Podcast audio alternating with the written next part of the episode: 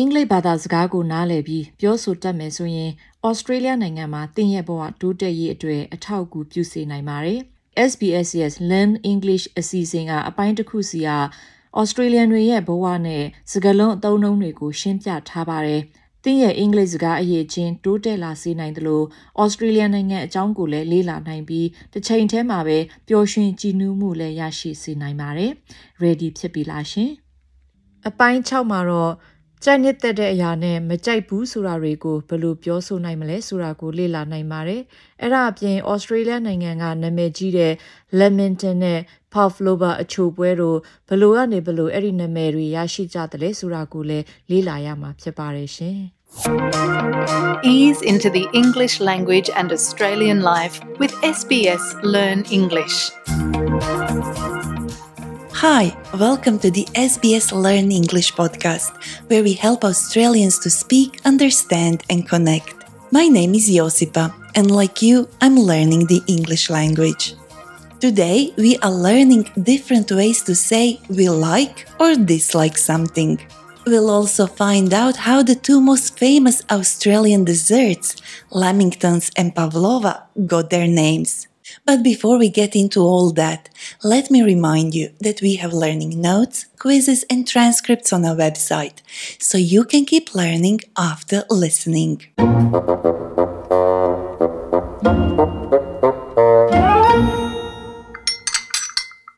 If learning through listening is your cup of tea, meaning something you like doing, relax. My guest and friends will do the rest. First, I want you to think about your favorite food. How could you tell someone that you like it? Listen to this conversation between Marianne and Alan as they talk about food they like.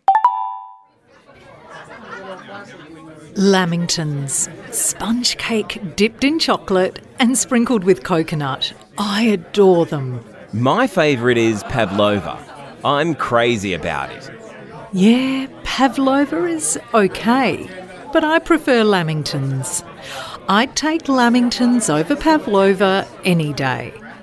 Well, I've got a sweet tooth, so I enjoy most desserts. But I like pavlova best. We heard two very simple ways to say we like something. I adore it and I'm crazy about it. But we also heard two expressions we can use when we are comparing something we like with something else. Let's hear them again. I prefer lamingtons. I prefer lamingtons to pavlova. I prefer this to that. You say I prefer when you like one thing better than another. A more casual way to say the same thing is to use the expression we heard. I'd take lamingtons over pavlova any day. This means that you would prefer lamingtons instead of pavlova. You could use this for other things too. For example, I take vegetables over chocolate any day. Well, maybe you'd only say that if you were unusually healthy. I don't know who could possibly prefer vegetables over chocolate. Then Alan said, I like pavlova best. When you like something best, you like it better than anything else of a similar kind. Notice how we put the word best after the thing we like. We do the same thing when we say that we like something very much or a lot. For example, I love my cat very much, or I like reading a lot. In both examples, the words very much and a lot came after what we like.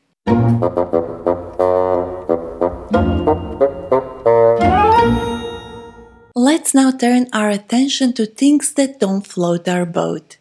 If something doesn't float your boat, it means that something doesn't seem exciting, attractive, or interesting. In the following conversation, we'll hear how Marianne and Alan talk about some Australian food that they dislike.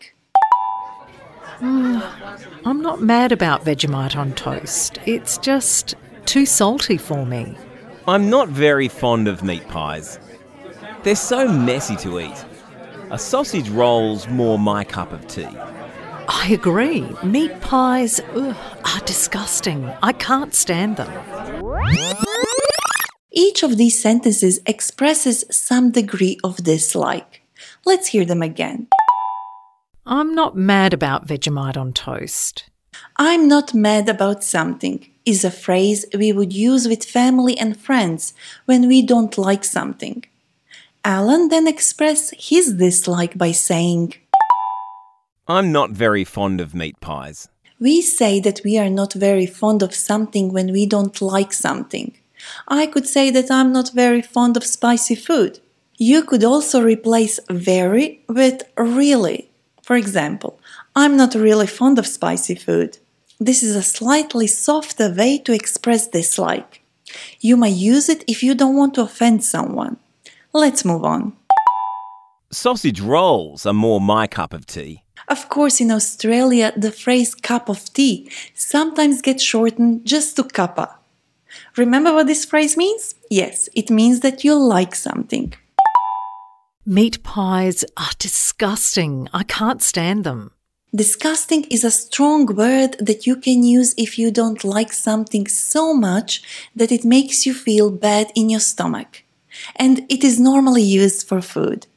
Another strong way to say you don't like something is to say that you can't stand something. You can use this for food, things, or even people. For example, I can't stand my husband. He talks about himself all the time. well, maybe we should stick to food. If talking about your food is your cuppa, you're gonna love my guest today. Massimiliano is a friend and colleague from SBS Italian, a mastermind behind a very successful podcast called The Ugly Ducklings of Italian Cuisine. Massimiliano, why the ugly ducklings? The Ugly Ducklings of Italian Cuisine is a fresh portrait of Italian food. We talk about ugly looking food that people either detest or are mad about. You don't have to understand Italian to listen to this podcast. No, we have an English and Italian version, and they are both equally popular. People love talking about food, even if it's ugly looking. I know you recently spent a lot of time researching Australian cultural food, and we've just been talking about lamingtons. Can you explain what they are and tell me how they got their name? Lamingtons are considered the national cake of Australia, and they got their name after Lord Lamington, a former governor of Queensland. It was invented in Queensland around 1900 as a way of feeding visitors who arrived unexpectedly. The story goes that a maidservant to Lord Lamington accidentally dropped the governor's favourite sponge cake into some melted chocolate. That made it rather messy and difficult to eat without getting chocolate all over the fingers. So, Lord Lamington suggested that they dip the cake in coconut to cover the chocolate and make it much easier to eat. And that's how Lamingtons got their name. Okay, so lamingtons were created by mistake as a way of making up for something that went wrong, but they turned out to be a great success. And what about pavlova? Pavlova is another Australian classic dessert. It was made for the Russian ballerina Anna Pavlova when she toured Australia and New Zealand in the 1920s, and it was named after her. It has a meringue base, which is usually topped with whipped cream and fresh fruit. Australia and New Zealand have been arguing for many years now over where the dessert was first served, but it is now a firm favourite in both countries. Interesting, I didn't know that. Thanks for sharing, Massimiliano. Grazie a te. That's thank you in Italian. Grazie, that's awesome. We learned how to say thank you in Italian. But now it's time for us to revisit English expressions we learned in this episode. See if you can answer these questions. When something is your cup of tea, it means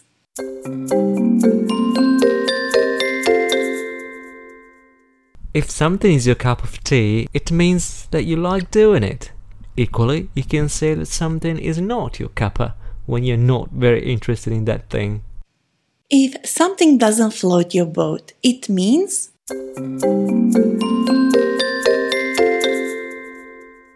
If something doesn't float your boat, it means that something doesn't seem exciting, attractive, or interesting. We heard some different ways to express that we like something. Sausage rolls are more my cup of tea. I adore it. I'm crazy about it. I prefer lamingtons. I'd take lamingtons over pavlova any day. I like pavlova best. And we also heard some different ways to express that we dislike something. I'm not mad about something. Hmm, I'm not very fond of something. I can't stand something. Oh, I detest something. What Australian desserts have you tried? Did you adore them or detest them?